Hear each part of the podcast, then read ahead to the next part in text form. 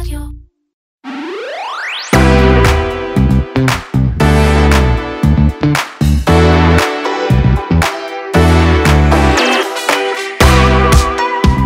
ספוטיפיי עשתה בחירה מאוד משמעותית בין ג'ו רוגן לניל יאנג, והלכה על ג'ו רוגן, הפודקאסט הפופולרי בעולם, אה, ניצח את אחד מהמוזיקאים המשפיעים בהיסטוריה של העולם. גם אם בכלל לעשות את זה טוב, זה לא סוד, זה בעיקר כסף, אז מה צריך לעשות עכשיו כדי לאזן את הרעב התאגידי לעוד כסף, על חשבון הפרטיות והבטיחות שלנו בפלטפורמות הגדולות. וכמה שאנחנו לא מנסים, אנחנו לא מצליחים לברוח מלדבר על NSO, אז כמה מילים על התחקיר החדש של רונן ברגמן בניו יורק טיימס. וגם מה צריך לעשות עכשיו, אחרי החשיפות של אה, תומר גנון בכלכליסט על השימוש של פגסוס על ידי המשטרה בישראל. אתם מאזינים לקוקיס, פודקאסט ההייטק והטכנולוגיה של כלכליסט, אני עומר כביר. אני שירלי זינגר, מתחילים.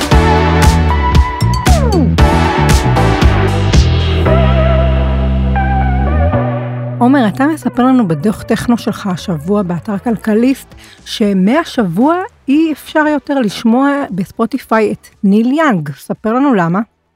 כן, תכף משבוע שעבר, וזה לא אני מספר, אני רק, זה לא אני חשפתי את זה, אני רק ככה הבאתי את הדיווח לקודם שלנו, אבל כן, אה, לא דיברנו על זה כמה פודקאסט, אבל אה, אה, יש בחור, קוראים לו ג'ו רוגן, הוא, יש לו את הפודקאסט הפופולרי בעולם, אני חושב שלו ולנו במשותף שזה משהו כמו 300 מיליון מאזינים, אבל הרוב זה אצלו, לא אצלנו.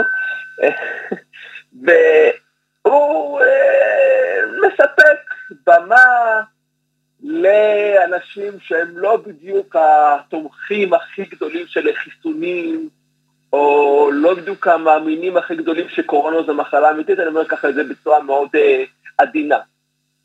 ולפני איזה שבועיים, שלושה כבר אני חושב אולי, הוא ראיין אה, רופא אה, או מדען, אני כבר לא זוכר האמת, שהעלה כמה שקרים אה, מסוכנים לגבי הקורונה והחיסונים. אם אני מבינה נכון, מדובר במתנגד חיסונים או מתנגד קורונה ידוע. כן, מתנגד חיסונים או תומך קורונה. כן, תומך קורונה, אתה קורא להם, זה יפה. אני מגלגלת פה ורואה שקוראים לו רוברט מלון. היה מעורב ביצירת החיסונים לקורונה. לטענתו. לטענתו.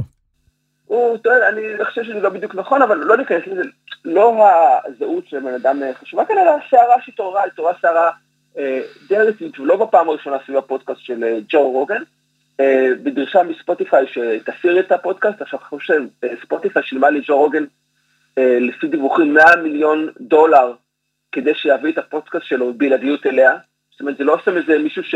זה לא סתם איזה מישהו שפרסם פוסט בפייסבוק. בפייסבוק, והיא קנתה אותו, הוא שלה. אז זה היה סערה די רצינית, ביקשו, ביקשו שתוריד את הפודקאסט, שתוריד את הפרק, ש, ש, ש, שבכלל תאסור אותו, שתפסיק בכלל להפיץ את הפודקאסט שלו. היה מכתב אה, של 200 פלוס מדענים. 270. ש... 270, כן, 200 פלוס, 270, כן. 200 פלוס. לא, זה כבר, אנחנו מתקדמים, מתקדמים, מתקרבים ל-300. מכתב של 300 מינוס מדענים ואנשי רפואה, ש... קראו לפייסבוק להפסיק לשמש פלטפורמה לפצת, לא לפייסבוק, לספוטיפיי, וזו תגובה רפלקסולוגית להגיד פייסבוק, שקראו לספוטיפיי להפסיק להפיץ את הפודקאסט שלו, וספוטיפיי פחות או יותר התעלמה. ואז, עכשיו אנחנו מגיעים סוף סוף לשבוע שעבר, בא ניל יאנג, זמר, כותב, יוצר, מאוד מוכר מהקלאסים בהיסטוריה של הרוק האמריקאי ובכלל, ואמר לספוטיפיי, זה או אני או רוגן. וספוטיפיי אמרה, טוב, אז תודה על השירים, אה, ולהתראות, וזרקה אותו מהפלטפורמה שלה, או הרשתה לו למשוך את השירים מהפלטפורמה שלה. אה, אחר כך גם בא ג'וני מיטשל, וכאות הזדהות עם מיליאן, גם היא משכה את השירים שלה בספוטיפיי, וזה המצב עכשיו. עכשיו, בוא רק באמת נגיד, בוא רק באמת נגיד שניל יאנג, באמת, אפשר להתווכח, אוהבים אותו יותר, פחות, זה נכס צאן ברזל של המוזיקה הבינלאומית. זה אמן באמת, מהשורה הראשונה, זה, זה לא מישהו זניח, זה חשוב להגיד. נכון, זה לא מישהו זניח, הוא מישהו מאוד פופולרי, יש לו, אני מניח, מספר אה, במאות מיליונים של האזנות בספוטיפיי בחודש או בשנה, אני אניח. אבל הוא גם לא, לא מה, זאת אומרת, אתה, זה לא, נגיד, זה לא שנגיד הוא ראה את ביטלס, או ראה את טיילור סוויפט, או, או לא יודע, מישהו אחר שפולרי כרגע דרייק, לא יודע, ואז יש לך פתאום עשרות מיליוני מאזינים שאומרים, למה אני לא יכול לשמוע את טיילור סוויפט בספוטיפיי? ניל יאנג הוא חלק אינטגרלי ברשימת השמעה של הרבה משתמשים, אולי אפילו רוב המשתמשים. אבל לא כזה שאם הוא ייעלם, אנשים ישימו, הרבה אנשים ישימו לב, יש מעריצים ששמו לב, התמרמרו על זה ברשתות חברתיות, אבל לא עשית איזה מסה קריטית של אנשים שאמרו, אין, אי אפשר בלי, בלי, בלי, בלי, בלי ניאג בספוטיפיי. זאת אומרת, האימפקט שלו הוא יחסית אה, זניח, ואני אומר את זה קצת בצער, כי באמת הוא מדובר באמן מדהים, אבל מסתכל בפועל רק איזה אימפקט לעזיבה שלו. אבל אנחנו קצת סוטים. כי בעצם, מה שאמרתי, ספוטיפיי בעצם בוחרת בין ניל יאנג לג'ו רוגן, בחרה בג'ו רוגן. ואז השאלה למה היא עושה את זה, התשובה לה די פשוטה. ספוטיפיי בסופו של דבר היא תאגיד, אה, כמו ככל התאגידים הטכנולוגיים הגדולים. רוגן מכניס לה כסף, היא השקיעה בה הרבה כסף, זאת אומרת, היא מפסיקה לשדר אותו, זה אובדן השקעה, וגם אובדן של הכנסות אה, שהוא מביא לה, לפי דיווחים, אדביי אה, לפודקאסט של רוגן זה מיליון דולר לפחות, זאת אומרת, מותג שרוצה לפרסם בפודקאסט צריך להתחייב לפרסומות לפחות במיליון דולר, ואין לו בעיה למכור שם פרסומות. בספוטיפיי הקפיצה שלו אה, לוקחת חלק ניכר מההכנסה שלו לפרסומות, היא גם בטח, הוא גם עושה את דרך מערכת הפרסום שלה לפודקאסטים, זאת אומרת, הוא מביא לה הרבה כסף. מיל יאנג, התרומה שלו בכסף היא פחות מוחשית, זאת אומרת, לא שכל פעם שמתנגן שיר של לילי יאנג, אנשים, אה, ספוטיפיי מכניסה דולר או שני דולר, נהפוך הוא. אז היא עשתה את השיקולים העסקיים שלה ובחרה בג'ו רוגן. אז מה אנחנו בעצם רוצים מספוטיפיי? מה הטענה שלנו כלפיהם? כי אני מרגישה ש... אני, אני למשל, אתה יודע, אני לא באה מי קטונתי לבוא בטענות לספוטיפיי, אבל אה, אני מאוכזבת. אני אני חושבת שלפלטפורמות כאלה, דווקא בגלל העוצמה שלהם והכוח שלהם והמרכזיות שלהם בחיים של אנשים, אני חושבת שיש להם איזושהי אחריות, ואני לא מדברת כרגע, אתה יודע, רק על האחריות אה, לשמוע את אה, ניל יאנג, אלא אה, האחריות להיות אחראים בעת מגפה עולמית מזעזעת. אני מסכים איתך שצריכה להיות כאן אחריות, בטח קצת היסטורית, פלטפורמות, בעיקר מטא, אז פייסבוק, צוקרברג, טענו, אנחנו לא מו"לים, אנחנו לא עיתונים, אנחנו רק מתווכים של תוכן. אין לנו החלטות ערכיות, אנחנו לא עושים שיקולי עריכה, אז אנחנו לא צריכים גם להיות תחת אותם כללים שעיתונים או גופי חדשות כפופים אליהם כשמדובר על uh, הפצה של דיסאינפורמציה או דברים כאלה. זו הטענה ההיסטורית של פייסבוק. לאורך השנים נקבו חורים בטענה הזאת, המקרה של ספוטיפיי בכלל כאילו לוקח את זה לספירה אחרת לגמרי, כי ספוטיפיי היא המו"ל של uh, ג'ו רוגן, היא שילמה לו, היא משדרת אותו בפלטפורמה שלה, היא, היא לא, הוא לא איזה משתמש שבא והתחיל לשדר שם פודקאסט, היא קנתה אותו, הוא שלה, היא המון שלו. אז בכלל יש לה אחריות, אז אני מסכים זה שצריכה להיות אחריות. Uh, בפועל, אני לא מופתע כמוך, כי אני כבר לא מופתע מתאגידי הטכנולוגיה, מכך שהם מתעדפים תמיד את הצמיחה ואת ההכנסות על שיקולים אחרים. וראו את זה מאוד יפה בחשיפות של הוול סטריט ג'ורנל ופרנסיס האוגן סביב ה Facebook Files, שדיברנו עליהם כאן בפודקאסט בהרחבה, וכולם כתבו עליהם בהרחבה, איך אה, פייסבוק, איך מטא תמיד מתעדפת אה, את הצמיחה העתידית שלה לביטחון המשתמשים. וספוטיפיי לא שונה. אז לי באמת ציפייה מספוטיפיי, לי ציפייה ממטא, לי ציפייה מיוטיוב, אין לי ציפיות מהן שהם יעשו את הדבר הנכון, כי הם לא יעשו את זה. אנחנו עכשיו בנקודה, מבחינתי, שבה מחוקקים ורגולטורים צריכים להבין שהמצב הנוכחי הוא unattainable, הוא לא בר קיימא. הכוח של הפלטפורמות גדול מדי, השיקולים שלהן מוטים מדי לטובת מאזן הכספים שלהן, והתוצאה היא אה, שהתוכן שאנחנו מקבלים הוא ירוד, הוא פגום, הוא שקרי, הוא מעוות, וצריך להתערב. ועכשיו השאלה היא לא אם צריך להתערב או לא, אלא איך מתערבים באיזו רמה, באיזה פתרון. אבל קודם המחוקרים צריכים להבין שזה הזמן לפעול, אין, אין, אי אפשר, שהמצב כבר לא, אי אפשר להמשיך. אנחנו רואים שבאמת, כי זה מקרה, ספוטיפיי זה מקרה מאוד פשוט יחסית. יש פודקאסט שמפיץ סיסטמטית, סיסטמטית שקרים והבלים ומידע מסוכן. ומוסכם, אומרים המומחים העצמאיים שאין להם שום אינטרס לכאן או לכאן. שהמידע הזה מסוים צריך לראות אותו. וזה לא שהיא צריכה עכשיו להוריד 20 מיליון משתמשים ולעשות איזה מערך בקרת תוכן כדי לתפוס פודקאסט אחד שיכולה להוריד אותו בלחיצת כפתור. ואם היא לא עושה את הדבר הפשוט הזה, זה אומר שהיא לא תעשה דברים יותר מסובכים. וזה לא, משך כל הפלטפורמות. והשאלה עכשיו, אה, האם המחוקק מתערב? זאת אומרת, השאלה, מבחינתי שמחוקק כן צריך להתערב, התשובה צריכה להיות, והשאלה היא איך הוא מתערב ובאיזה אופן. אוקיי, okay, באיזה אופן זה יכול לעבוד? יש כמה פתרונות אפשריים. אני מאוד אה, מתמקד בשבועות האחרונים במחקר שלי, וזה הזמן לפני שאני אה, חוקר, אה, אני תלמיד מחקר במדיניות ציבורית באוניברסיטה העברית, ואני בודקתי את הפתרון של אה, המועצה המפקחת של פייסבוק כפתרון אפשרי אחד. וככל שאני מעמיק באיך היא פועלת, וגם ראיינתי אנשים משם, בדקתי עוד דברים, והשוויתי כל מיני ניתוחים על בסיס תיאוריות קיימות וזה, אני שזה פתרון לא רע בכלל סך הכל. זאת אומרת, פייסבוק הקימה גוף שהוא אה, כביכול ממנה, אבל יש לו עצמאות ואוטונומיה, שיש לו יכולת לקבל החלטות מחייבות על אה, תיקים ספציפיים ונותן המלצות תוכן שיש להן אימפקט על איך שפייסבוק מעצבת את המדיניות שלה. ולמרות שהוא רק שנה אומנם פועל, אז קצת מוקדם להעריך את, ההש... את ההשפעה שלו, אבל כן נראה שהוא כן מצליח להניע איזה שינוי במכונה האדירה שהיא פייסבוק, שהיא מתה. ואני חושב שבחינה אה, מעמיקה של גופים כאלה, שיהיו כנראה מחייבים, אולי אפילו במימון הפלטפורמות, כמו שפייסבוק עשתה, ויהיה להם כוח אה, גם לקבל החלטות על תוכן, גם לעצב מדיניות, אה, או לתת המלצות מדיניות, אפילו המלצות מחייבות במידה מסוימת, יכול להיות פתרון מעניין שמצד אחד מפקיע מהפלטפורמות את השליטה הבלעדית שלהן על תחום אה, ניהול התוכן וצנזורת התוכן ובקרת התוכן, ומצד שני לא מעביר את הכוח הזה למדינה, כי אני גם לא רוצה שהמדינה תהיה זאת ש... נכון, זה סוג של, זה סוג של רגולציה וולונטרית בעצם. כן, רגולציה וולונטרית, אכן זה מונח אפשרי.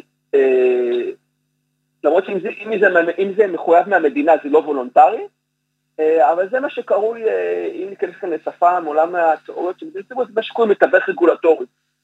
זה גוף שנמצא בטווח בין הרגולטור לגוף, לגוף המפוקח, והוא מנהל תפקידים שהרגולטור ממלא מסורתית. ויש הרבה גופים כאלה, אנחנו לא ניכנס כאן לכל התיאוריה. מי שמעוניין לקרוא מחקרים, שיחפש דוד לוי פאור בגוגל סקואר, יש הרבה מחקרים שלו בנושא. הוא המנחה שלי ב, בלימודים, אז פילונות.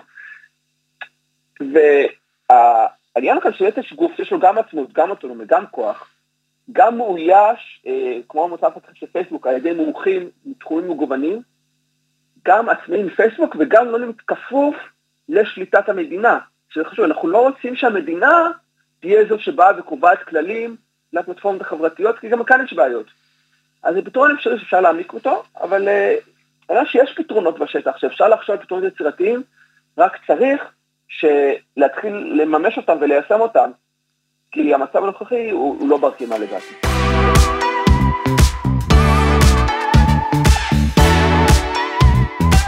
בפרסום של אה, רונן ברגמן אה, בניו יורק טיימס בסוף שבוע, אנחנו לומדים, אה, אה, סיפור אמנם מוכחש, אבל אנחנו נוטים להאמין, אה, על יורש היתר הסעודי מוחמד בן סלמן, שפנה בשלב מסוים לבנימין נתניהו, כשהוא עדיין היה ראש הממשלה, כדי שיעזור לו לחדש את השימוש בתוכנת פגסוס אצלם בערב הסעודית. נכון, וסליחה שקטעתי, כי זה לא רק זה, זה הייתה באמת אחת מהכותרות שם, הכתבה המאוד ארוכה ומאוד מאוד מעניינת מדברת על האופן שבו ישראל הפכה את NSO לכלי מדיניות במערכת יחסים עם מדינות שונות. היא השתמשה למשל במכרז של פגסוס למדינות מסוימות כדי לגייס אותה להצבעה לטובתה באו"ם. זה חלק זה אחד הדברים שמספרים בכתבה. זאת אומרת, זה דברים שכבר דיברנו עליהם בעבר, אבל עכשיו באמת מבוסס על תחקיר עיתונאי ולא הערכות או דברים שאנחנו יודעים וקשה לנו להוכיח, זה ממש מקרים ספציפיים שברגמן מביא שם בכתבה על סמך המקורות הבאמת מצוינים שלו. אתה בזמנו גם כתבת על הקשר של זה ליחסים של ישראל עם אוגנדה, נכון? נכון, זה היה ניתוח שעשיתי אה, על סמך מידע גלוי, אה, שמראה על איך אה, NSO נכנסה לאוגנדה אחרי שזו סייעה לתווך בין אה, ישראל לבין סודאן, אה, חלק מהמיזם של אה, ראש הממשלה לשעבר נתניהו, אה, להכליל את סודאן בהסכמי אברהם, איך NSO חיזקה שם, שיחקה שם תפקיד, ואיך פגסוס שימשה להידוק היחסים עם אוגנדה, אה, וזה מתחבר לעוד סיפורים שברגמן הביא, אני חושב שזה היה בקיץ האחרון, שברגמן סיפר שאחרי הרצח של העיתונאי הסעודי בטורקיה, אז ישראל לחצה על פגסוס, סליחה, לחצה על NSO להמשיך לעבוד עם סעודיה. זאת אומרת, דיווחים שמראים בעצם שההבדל בין ישראל ל-NSO לפעמים הוא בעיקר סמנטי. ו-NSO בעצם מתפקדת כעוד זרוע דיפלומטית של ישראל בחו"ל. וכן. וזה באמת מתחבר לדבר שכבר דיברנו עליו לא פעם, וזה האצבע המאשימה שמופנית אה, כלפי אה, מדינת ישראל ב, בכל מה שנוגע בעצם לגיבוי שהיא נותנת אה, ל-NSO וממש השימוש שהיא עושה בה. כשאנחנו אומרים פה שהאחריות להשלכות של המעשים של הפעילות של פגסוס ושל NSO בעצם כמובן גם עומדת על כתפי החברה, אבל גם על אחריות של המדינה ש... לא רק נותנת לה גיבוי ואישור לפעמים, אלא ממש שולחת אותה ומשתמשת בה. נכון, בדיוק כמו שאמרת, אני לא, לא יכולתי להגיד את זה בצורה יותר מדויקת ונכונה. אה, ישראל אחראית ל-NSO. זאת אומרת, NSO, תמיד אומרים, הכל אנחנו עושים באישור משרד הביטחון, והפיקוח אה, על ייצוא של משרד הביטחון, אפי אגב, פיקוח על ייצוא, וזה באמת נכון, אבל העניין שהרגולטור הוא לא חסר עניין כאן, הוא, יש לו אינטרס משמעותי באיך שנעשה שימוש ב-NSO בפגסוס. אז ההתחברות תחת ה-NSO תחת הרגולציה, תחת הרגולציה היא לא ממש uh, משכנעת, והקשר של מדינת ישראל, NSO והשימוש שעושה בו, הופכים את הרגולציה שלה למפוקפקת, למוטלת בספק. ובדיוק כמו שאת אמרת, מטילים עליה אחריות ישירה. כשישראל דוחקת ב-NSO למכור את המוצר שלה למדינות כמו ערב הסעודית, כמו איחוד האמירויות, כמו אוגנדה, שזכויות אדם שם זה לא בדיוק הדבר הכי מעוגן בעולם, והיא יכולה להעיף בבטחה איזה שימושים יעשו, היא אחראית. וזה מתחבר אגב, וזה לא חדש, וכתבו על זה אה, לפניי, חכמים ממני, ישראל תמיד עשתה שימוש בייצוא נשק למדינות שונות, מפוקפקות יותר ובעיקר מפוקפקות פחות, כחלק ממאמצים לחיזוק היחסים הדיפלומטיים איתן. לרעת אה, מי שנמצא לא פעם בצד השני של כלי הנשק הזה. ואם פעם זה היה עוזי וכלי נשק אחרים פיזיים, עכשיו זה פגסוס ותוכנות ריגול. כן, עברנו מעוזי למז... למזל"טים לפגסוס. נכון, כן, זו אותה, אותה מדיניות באמצעים אחרים. כן, ואחרי חשיפת אה, כלכליסט בשבוע שעבר על השימוש של המשטרה בפגסוס כלפי אזרחי מדינת ישראל, אז אולי אנחנו כבר לא צריכים להיות כל כך מופתעים. אנחנו לא צריכים להיות מופתעים, אה, ומה שקורה במקום אחד מהר מאוד יחזור ויחלחל גם בחזרה אלינו. היו את החשיפות של תומר גנון בכלכלי שבאמת היו מעניינות ומשמעותיות וחשובות, והשאלה היא מה קורה עכשיו. עכשיו לדעתי צריכים לקרות אה, שני דברים, שהם יכולים לקרות במקביל, לא סופרים אחד את השני. אחד, אה, צריכים חברי הכנסת, והכל בעצם צריך להגיע מהכנסת, כי מה לעשות זה הזרוע המחוקקת שלנו, צריכים לקדם הקמת אה, ועדת אה, חקירה אה, או פרלמנטרית או ועדת חקירה בלי ש... רצוי ממלכתית. לא, לא, ממלכתית, ממלכתית זה בכלל החלטת ממשלה, וזה, אני לא חושב שאנחנו, אני לא יודע אם מבחינת המחדל והיקף המחדלים שנחשפו כאן זה מה שמצדיק ועדת חקירה ממלכתית, יכול להיות שאני טועה. וגם זה יותר מסובך ועדת חקירה ממלכתית. אני אומר בוא נעשה משהו יותר קל, בוא נעשה ועדת חקירה פרלמנטרית או ועדת חקירה היברידית, שתכלול גם ח"כים וגם מומחים חיצוניים, שיהיה לה גישה למידע הפנימי ולאנשי המשטרה הרלוונטיים, וצריך לעשות חקירה צבאית ומעמיקה, לגלות באמת מה קורה שם. אני חושב שהחקירה של היועמ"ש, בהתחשב בזה שהפרקליטות היה לה קצת קומפליסיטי בכל מה שקרה, לא תשכנע אף אחד, אה, בוודאי תנקה את המשטרה מכל חשד, או מכל אה, אשם. זה דבר אחד. דבר שני, צריך חקיקה שתסדיר את השימוש בפגסוס, יכול להיות שכבר דיברנו על זה קצת בשבוע שעבר עם תומר גנון, אני לא זוכר, השימוש בפגסוס כרגע הוא לא מוסדר בחקיקה, המשטרה אומרת אנחנו לפי האזנת סתר, לפי חוק נתוני תקשורת, אף אחד לא קונה את זה. צריך uh, לעדכן את החקיקה בישראל, מדינות כמו גרמניה, כמו בריטניה uh, כבר עשו את זה. חקיקה שמסדירה שימוש בכלים כמו פגסוס בתוכנות מעקב פולשניות, עוצמתיות. המשטרה צריכה את הכלים האלה, צריך לאפשר להשתמש בכלים האלה, צריך ליצור את המסגרת שתאפשר להשתמש בכלים בצורה בטוחה שמצד אחד מאפשרת ללכוד פושעים כמו, בטוב, כמו פדופילים או ארגוני פשיעה, מצד שני מגינה על אזרחים לפני שימוש לרעה. וזה שני דברים שם. לחלוטין. מגינה. הכנסת צריכה לעשות כרגע. חקירה וחקיקה. וזאת חקיקה באמת שצריכה לכלול גם את הפיקוח המקדים, אבל גם פיקוח, אני חושבת, בדיעבד. ואני חושבת שבעולם, ברוב המקומות זה קיים גם וגם. ו, ואני חושבת שוב, כמו שאתה אומר, וגם אמרנו את זה בשבוע שעבר, אנחנו לא חושבים שצריך למנוע את השימוש באופן גורף בפגסוס, אנחנו חושבים שזה צריך להיות מידתי ומפוקח וראוי וכן הלאה. כן, אני חושב, את צודקת, ועוד מי שהחקיקה צריכה לכלול, זה בעצם לרכז במקום אחד את כל הסמכויות שהיו מפוזרות בין שלושה או ארבעה תחום אחרים. כי נגיד שחקקו, כשחיקקו את חוק האזנת סתר, לא היו מחשבים, לא היו טלפונים.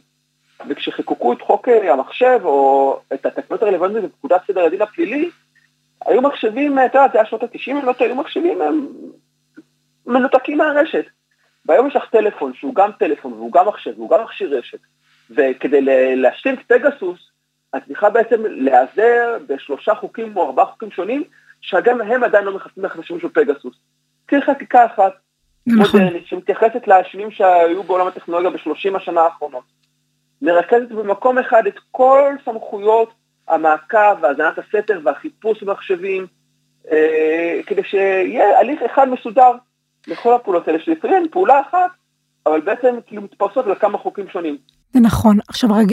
הרגולציה תמיד, אה, הטכנולוגיה תמיד מקדימה את הרגולציה, זה טבע הדברים, אין מה לעשות בעניין הזה, אבל אני חושבת שהמקרה הנוכחי שאנחנו בסך הכל מסתמכים פה על חוק שהוא כבר בין יותר מ-40 שנה, זה כבר פער שלא צריך אה, אה, להגיע אליו, ואנחנו באמת קוראים מפה לחברי הכנסת לא להשתהות ולקחת בשתי ידיים את ההזדמנות הזאת ולקדם חוק שגם אם נצטרך בעתיד להמשיך לעדכן אותו, אבל שהוא יהיה חוק הרבה יותר כוללני וש... שמתייחס לאמצעים שיש כיום, גם אולי קצת שיראה קדימה מבחינת האפשרויות הקיימות על הפרק, וייתן את המענה ללקונה המאוד מאוד גדולה הזאת שיש היום. נכון, צודקת לגמרי. באמת נכון שהטכנולוגיה תמיד מקדימה את הרגולציה, או את החקיקה, אבל זה אומר שהחקיקה צריכה לתת לה לפתוח פער בלי הפסק. מדינות אחרות כבר טיפלו בפערים האלה, צמצמו אותן, אה, וגם אנחנו יכולים לעשות את זה, והגיע הזמן שנעשה את זה. אמן.